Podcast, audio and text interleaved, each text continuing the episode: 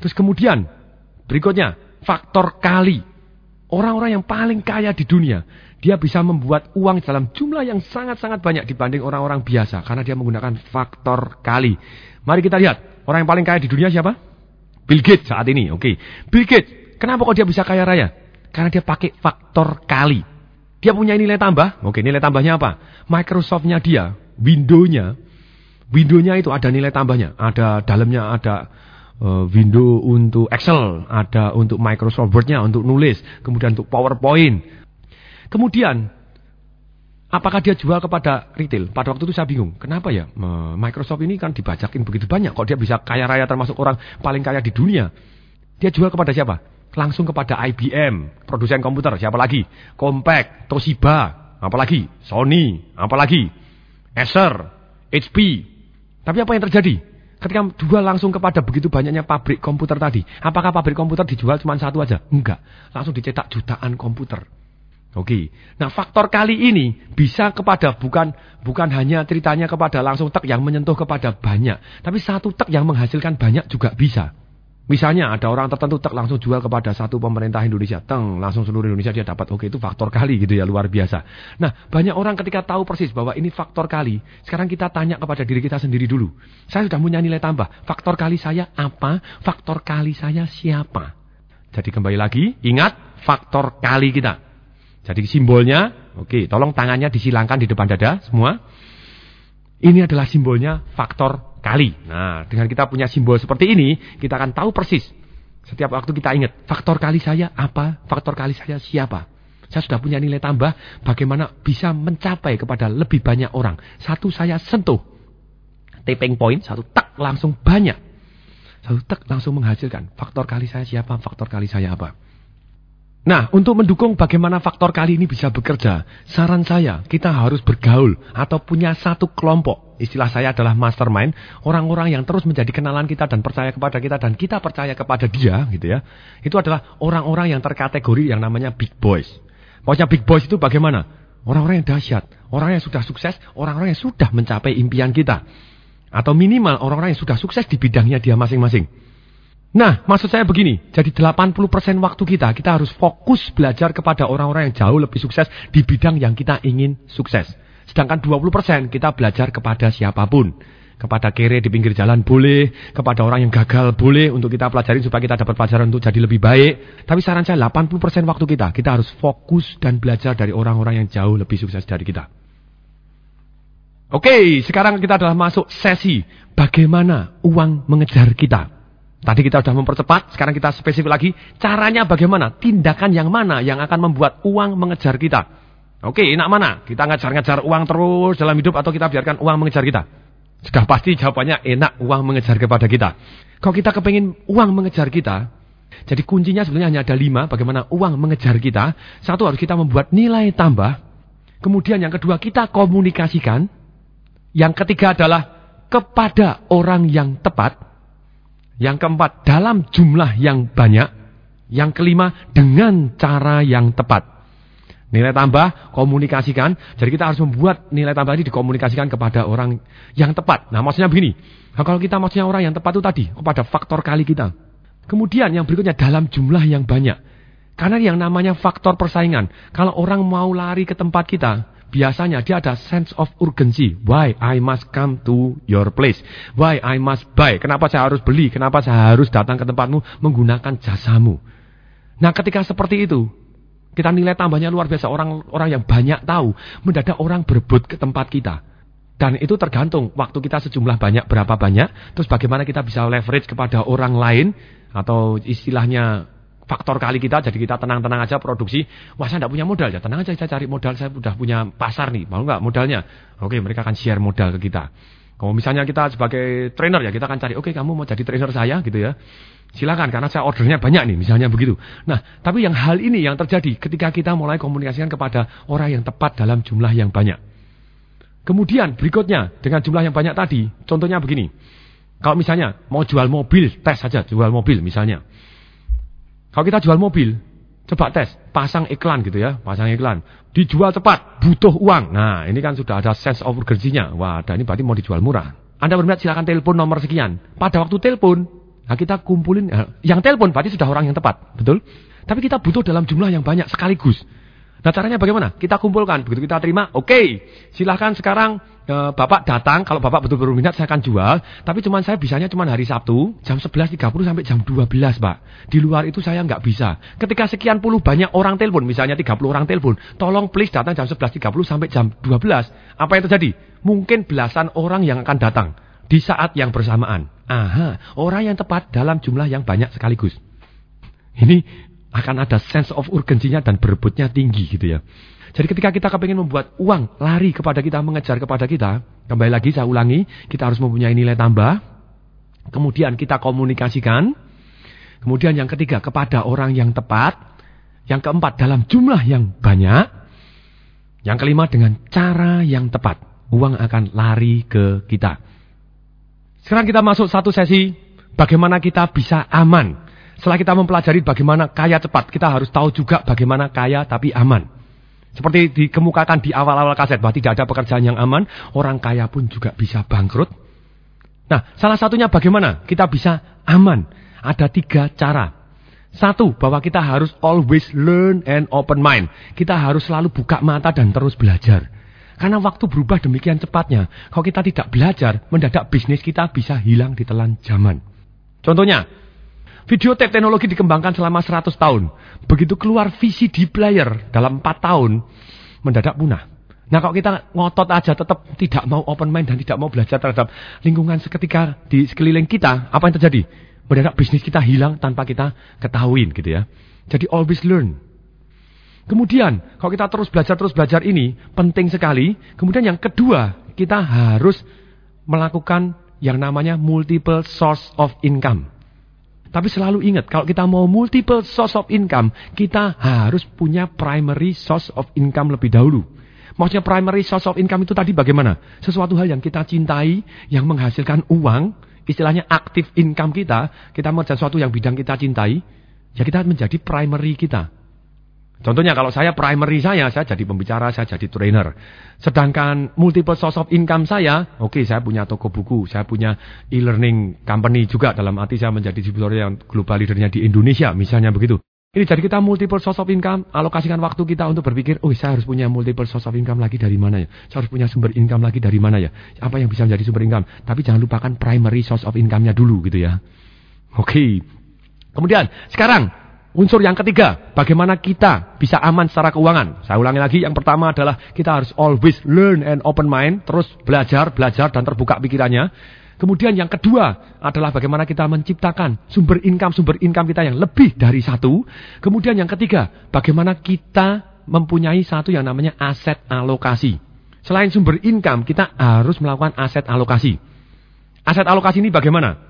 Yaitu dengan cara bagaimana kita membagi income yang sudah masuk di dalam diri kita atau kepada perusahaan kita. Kalau menurut saya adalah minimal kita akan bagi menjadi tiga.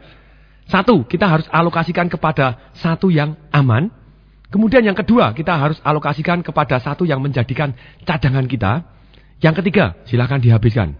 Nah, persentasenya berapa gitu ya? Tergantung, biasanya tergantung dari berapa besar income kita. Kemudian yang kedua, berapa besar pengeluaran kita. Yang ketiga, berapa besar tekad kita untuk secepatnya financially independent. Membuat uang akhirnya bekerja kepada kita. Nah, maksudnya apa? Kalau kita sangat-sangat kepingin sekali untuk bagaimana secepat mungkin financially independent, kita akan terus fokus bagaimana memperbesar income kita dan bagaimana kita biaya hidupnya ditekan atau pengeluaran kita ditekan seminimal mungkin gitu ya. Nah, itu yang terjadi. Banyak orang salah sangka, Pak, oh, kalau saya penghasilannya kecil, terus aset alokasinya kecil dong. Salah, kalau penghasilannya kita kecil, malah kita harus masukkan ke yang daerah aman dan yang di cadangan atau yang ditumbuh tadi harus lebih besar lagi. Karena contohnya begini, kalau penghasilan kita misalnya 100 juta, 90 juta mau dihabiskan semua, ya enggak apa-apa, dia bisa nabung 10 juta. Kalau 10 juta peternaknya dia akan lebih gede lagi. Tapi kalau penghasilan kita 1 juta, lah kita malah harus ikat pinggangnya lebih kencang. Kalau kita hanya 10% atau misalnya hanya 100 ribu, ya bisa, tapi sangat-sangat lama gitu ya. Nah kita kalau bisa ngirit 500 ribu ya 500 ribu aja. 500 ribunya. Yang lain sisanya masukin ke investasi kita gitu ya. Nah sekarang, jadi caranya bagaimana? Saya akan ajarkan cara yang sederhana dulu. Yang sederhana itu caranya begini. Minimal, oke. Okay. Minimal 10% kita masukkan ke dalam yang aman. Kalau saya bilang minimal, lebih boleh? Boleh, lebih bagus lagi gitu ya. Minimal 10% taruh aja yang ke yang aman. Ciri-cirinya yang aman ini bagaimana? Ciri-cirinya yang aman ini kemungkinan berhasilnya adalah 95% sampai 99,99%. Oke, kemungkinan berhasilnya. Karena di dunia katanya nggak ada yang 100%. Oke, jadi kemungkinan berhasilnya mendapatkan hasil dan aman itu 95 sampai 99,99%. Terus kemudian ciri-cirinya plus minus belum tentu gitu ya. Yang aman ini pendapatannya di bawah 15% per tahun. Kalau di Amerika katanya 8% per tahun. Atau ke bawah gitu ya, lebih rendah dari itu. Plus minus, belum tentu, kembali lagi. Ada yang pendapatannya lebih gede dari itu aman ada, ada yang lebih kecil tidak aman juga ada gitu ya. Nah, kemudian itu aset alokasi yang pertama. Kemudian aset alokasi yang kedua, minimal. Minimal 20%. Lebih boleh? Lebih bagus lagi. Yang yang 20% ini, kita harus alokasikan kepada tiga hal ini. Pertama, kita harus bayar hutang kita yang konsumtif. Maksudnya hutang yang konsumtif itu apa? Misalnya kita nyicil mobil, nyicil elektronik, nyicil kasur, nyicil rumah itu termasuk konsumtif. Kembali lagi. Maksudnya konsumtif itu apa? Yang mengeluarkan uang dari kantong kita terus itu ya. Nah, kalau hutangnya adalah hutang produktif, nggak masalah. Maksudnya contoh hutang yang produktif itu bagaimana? Contoh hutang yang produktif adalah, misalnya kita hutang 200 juta kita belikan rumah, kemudian kita kapling-kapling, jadi kos-kosan. Cicilan kita sebulan misalnya 2 juta. Tapi dari kos-kosan tadi kita dapat 5 juta. Ya, ini adalah hutang yang produktif. Kemudian, 20% ini kalau misalnya sudah dibayarkan hutang yang konsumtif tadi, selesai. Apa yang kita lakukan dengan 20% ini? Kita masukkan ke dalam satu alokasi yang namanya cadangan. Minimal kita sampai punya 5 sampai 6 bulan. Minimal kalau bisa punya 3 tahun, cadangannya juga boleh. Maksudnya apa? 5-6 bulan atau berapapun, tapi minimal 5-6 bulan dari pengeluaran kita rata-rata. Atau dari gaji kita kalau kita bingung gitu misalnya. Kalau gajinya 5 juta ya minimal kita punya 30 juta di tangan kita. Maksudnya apa? If something happen, anak sakit, mobil tabrakan, apa segala macam, kalau kita belum ada asuransi apa segala macam, ya kita bisa untuk mengcover tanpa harus kita hutang. Atau misalnya buat cadangan ini saya cicilkan kepada asuransi juga boleh gitu ya. Silakan, tapi dalam hal ini kita harus cadangan. Jadi if something happen kita masih punya cash. Gitu ya. Walaupun kita tidak menghendakin, kita harus siap gitu. Terus kemudian, kalau setelah kita bayarkan atau istilahnya kita tabungkan, alokasikan ke sana, kita sudah punya cadangan nih 5 6 bulan gaji. Terus bagaimana? Uangnya untuk apa nih? 20% kita alokasikan apa? Investasikan ke yang tumbuh. Maksudnya ke yang tumbuh itu bagaimana? Tumbuh ada dua, satu yang moderat, satu yang agresif atau selebor gitu ya. Nah maksudnya yang moderat itu bagaimana? Yang maksudnya yang modern moderat itu ciri-cirinya begini. Ciri-cirinya adalah kemungkinan berhasilnya plus minus ya antara 60% sampai 95% kemungkinan berhasilnya. Dan tingkat returnnya adalah sekitar 15% sampai 100%. Nah itu yang moderat gitu ya. Kalau yang agresif itu kemungkinan berhasilnya di bawah 60%. Tapi tingkat hasilnya itu minimal di atas 100%. Harus di atas 100% per tahunnya. Itu agresif. Kalau ada orang nanya, Pak boleh nggak Pak saya investasi ke yang itu loh Pak. Yang kayak itu ya masuk ke perkebunan, masuk ke peternakan apa. Yang rada selebor gitu, yang nggak tahu juntrungannya itu hitungannya gini. Kalau menurut saya boleh-boleh aja gitu ya. Asal kita masuk yang pertama. Kalau kita masuk ke yang sudah ke 3000 orang bahaya, mumet gitu nanti kita. Nah kalau kita mau investasi ke sana ya silahkan. Tapi secepat mungkin pokoknya ditarik. Taruh yang aman.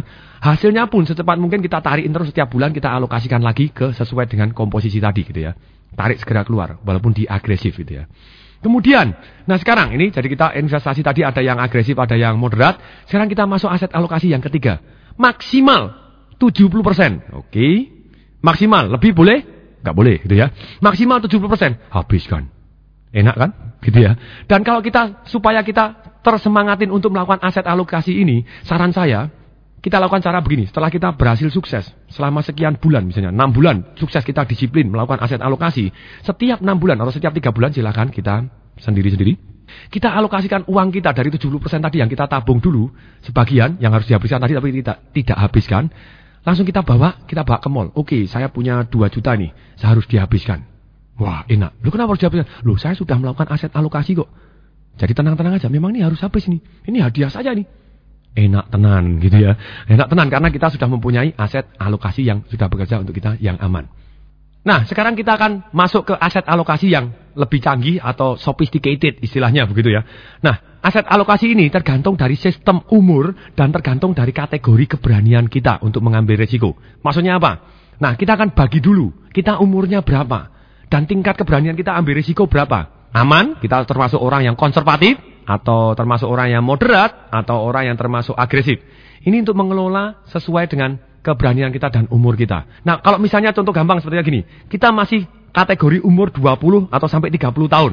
Kita ambil kondisi sedang gitu ya. Kita adalah orang yang moderat. Nah, mestinya kita akan investasikan untuk yang untuk yang aman gitu ya. Investasi ke bagian yang aman, alokasi yang aman karena kita umurnya masih 20 30, yang aman 20% aja gitu ya. Atau 30% kalau kita moderat itu. Kalau kita cukup agresif ya kita akan 20%. 20% aja yang aman gitu ya. Nah kalau kita ceritanya termasuk orang yang konservatif, ya masukin aja yang aman misalnya 40% misalnya begitu. Kalau kita umurnya masih 20-30 itu. Nah kita tergantung kondisi kita. Kita harus tahu persis kalau kita konservatif seperti apa, tapi selalu harus ada masukkan aset alokasi ke yang aman. Tidak boleh kepada yang tumbuh semua. Nah, sekarang caranya begini. Jadi kalau pada waktu kita umur 20-30, Ya kita anggap aja sesuai dengan umur kita. Kalau kita umur 20-30, berarti kita harus 30%. Kalau ini kita termasuk orang yang moderat, 30% taruh yang di aman. 70% itu silakan ke yang tumbuh. Tumbuh ini biasanya dibagi dua gitu ya. 35% yang moderat, 35%-nya adalah yang agresif. Selibur sedikit nggak masalah. Nah, kalau kita misalnya umurnya 40, kita termasuk kategori moderat. Orang yang moderat biasanya tidak terlalu agresif, saya tidak terlalu konservatif juga gitu ya. Nah terus bagaimana? Ya 40% lah taruh yang di aman. Nah kalau saya termasuk Umurnya 40 pak, tapi saya termasuk agresif. Gimana? Ya 30% masukin ke yang aman, 70% genjot lagi ke arah yang tumbuh tadi. Nah, nah kalau saya sudah umur 60 pak, 60% taruh yang aman gitu ya. Itu kalau kita moderat. Kalau kita agresif ya 50% lah taruh yang aman. Nah kalau kita konservatif 70% taruh yang aman. Nah banyak orang ngomong, Pak, lu kalau saya mau tumbuh daripada saya taruh yang aman bunganya cuman ya cuma 12%. Kalau saya gulungkan gini kan bisa ratusan persen mau jadi sembilan orang yang terkaya di dunia pada saat itu. Yang akhirnya mati dalam kemiskinan, bangkrut, masuk penjara, atau ada yang bunuh diri, ada yang masuk rumah sakit jiwa. Oke, okay. orang yang paling kaya pun belum tentu aman, usaha yang paling sukses pun belum tentu aman. Alangkah banyak kita selalu mempunyai satu cadangan yang ada, yang minimal. If something happen, kita masih ada yang punya peternakan duit ini tadi. Kembali lagi, kalau kita mempunyai misalnya 10 miliar, jadi 20 miliar, percaya atau tidak, kita tidak dianggap pinter-pinter benar, dan gaya hidup kita tidak akan berubah banyak. Naik Mercy ya tetap Mercy misalnya begitu ya. Ya biasa-biasa aja nggak akan berubah begitu banyak. Tapi kalau 10 miliar jadi nol, oke, orang akan menganggap kita goblok setengah mati. Kemudian yang berikutnya, kita akan lebih sulit untuk bangkit. Jadi perhatian, jadi alangkah banyak kita melakukan aset alokasi. Nah kalau aset alokasi yang aman, itu harusnya bagaimana? Boleh diambil tidak? Prinsipnya adalah tidak boleh diambil. Sampai kapan pun. Di sini ada satu prinsip yang namanya untuk menjalankan aset alokasi ini. Ada satu prinsip yang namanya menunda kesenangan. Di Harvard, Fakultas Psikologi, dilakukan penelitian. Sekian ratus anak dites di depan anak-anaknya. Tadi dikasih permen coklat, satu-satu-satu semua di depannya.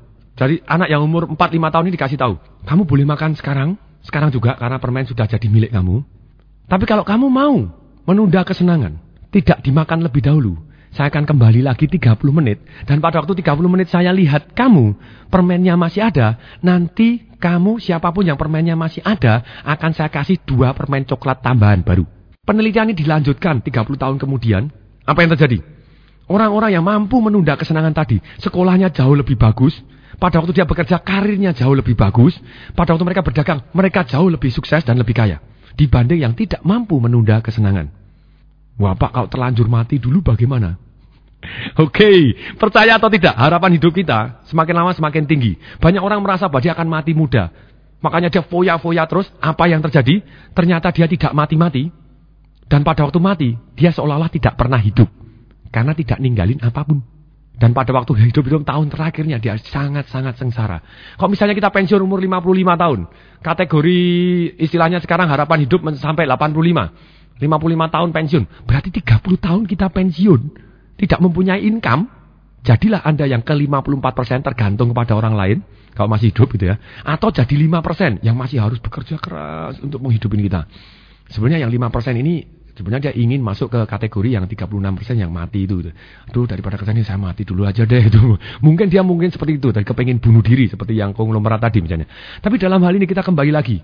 Kalau kita benar-benar mau aman, lakukan aset alokasi. Lupa nanti kalau ini hasilnya bagaimana aset alokasi lagi? Oke. Dengan aset alokasi ini kita kita gulungkan terus gulungkan terus kita tunda kesenangannya. Bukan nunda sepenuhnya karena kita masih ada hadiah setiap 6 bulan atau setiap 5 bulan. Ya, kita dapat duit, kita bisa senang. Tidak masalah karena kita sudah aset alokasi. Ternyata kalau kita melakukan yang namanya aset alokasi dan kemudian kita gulung-gulung terus, kita memanfaatkan keajaiban dunia yang ke-8. Uh, apa itu? Ah, ini Albert Einstein, cerita tentang Albert Einstein. Albert Einstein pertama kali datang di Amerika, diwawancara oleh wartawan di Amerika. Ditanya, Albert Einstein, apa yang kamu suka dari Amerika Serikat? Jawabannya Albert Einstein apa? Oh, saya suka keajaiban dunia yang ke-8. Ada di Amerika. Uh, apa itu? compounding interest. Bunga berbunga. Hasil digulungkan. Kalau kita anggap uh, bunga itu adalah haram, boleh. Yang hasil tapi bagi hasil tapi digulungkan lagi. Hasil lagi, hasil gulung lagi. Jangan keburu-buru diambil. Ya. Nah, ternyata apa yang terjadi? Kalau kita compounding interest kan, bagi yang mau tabelnya bunga berbunga, boleh ke kontak ke saya di alamat email yang ada di cover dari kaset ini. Nah, silakan kalau itu nanti. Kita akan buktikan bahwa ternyata 100 rupiah pun ketika kita setiap bulan hanya 100 rupiah pun ketika kita gulungkan, gulungkan, gulungkan, gulungkan terus dengan bunga 25% per tahun. Ada orang yang ngomong, Pak 25% per tahun apa ada? Banyak gitu ya. Itu keyakinan kita. Begitu nggak ada juga nggak ada gitu ya. Begitu ada juga ada banyak sekali. Tergantung keyakinan kita. Dan begitu kita yakin pasti ada. Akan saya temukan, mendadak kita temukan gitu ya. Oke, 100 rupiah per bulan bukan per hari. Kalau kita dapatkan 25% per tahun, dalam waktu 50 tahun sengaja. Karena apa? Compounding interest ini dalam tahun-tahun awal dia akan hanya tumbuh datar. Begitu tahun-tahun terakhir dia akan tumbuh boom, meroket tinggi. Langsung sangat-sangat tinggi. Jadi kalau waktunya cukup panjang itu hasilnya cukup sangat-sangat dahsyat luar biasa. Hasilnya akan sangat-sangat tinggi. Hasilnya sebetulnya kalau kita belum lihat hasilnya, modal kita berapa sih? Kalau kita nabung 100 rupiah per bulan, berarti setahun kita cuma keluar uang 1200 rupiah. 10 tahun kita cuma keluar 12 ribu rupiah. 50 tahun kita cuma keluar 60 ribu rupiah. Ternyata dengan jangka waktu 50 tahun tadi dengan 25% per tahun gitu ya. Akan jadi berapa? Silahkan tebak. Pasti salahnya gitu ya. Karena dihitung pakai kalkulator juga sulit. Itu harus pakai program bunga berbunga. Di Excel bisa. Nah, saya punya tabelnya, nanti silahkan minta pakai email ke saya, akan saya, akan saya kirimkan gratis. Nah ini, ternyata kalau 100 rupiah kita tabung terus-menerus dengan bunga 25% dalam waktu 50 tahun, akan jadi 1 miliar 179 juta rupiah. Itu duit cuma 60 ribu gitu ya. Oke, kalau orang ngomong, Pak, saya malas dah kalau nungguin lamaan dah. Tak taruh 60 ribu aja, biarin bunga berbunga 60, uh, eh, bunga berbunga 25 persen gitu ya. Selama 50 tahun, nanti jadi berapa ya? Langsung aja saya tak kasih 60 ribu sekarang. Oke, jadi berapa? Jadi 14 miliar 159 juta. Oke, pada waktu saya pernah presentasi ini kepada salah satu dokter ekonomi gitu ya, penasihat presiden. Nah, pada waktu dia ngomong kepada saya, wah luar biasa ya Pak Tung ya. Wah, saya borosin duit handphone berapa ratus ribu nih sebulan. Kalau digulung gini lumayan-lumayan juga gitu ya. Tapi mendadak karena dia dokter ekonomi, dia ngomong kepada saya ini, ehm, sebentar Pak Tung. Tapi kan tidak sebesar itu. Kan masih ada inflasi. Oke, waktu itu Bu ada tiga hal saya bilang gitu.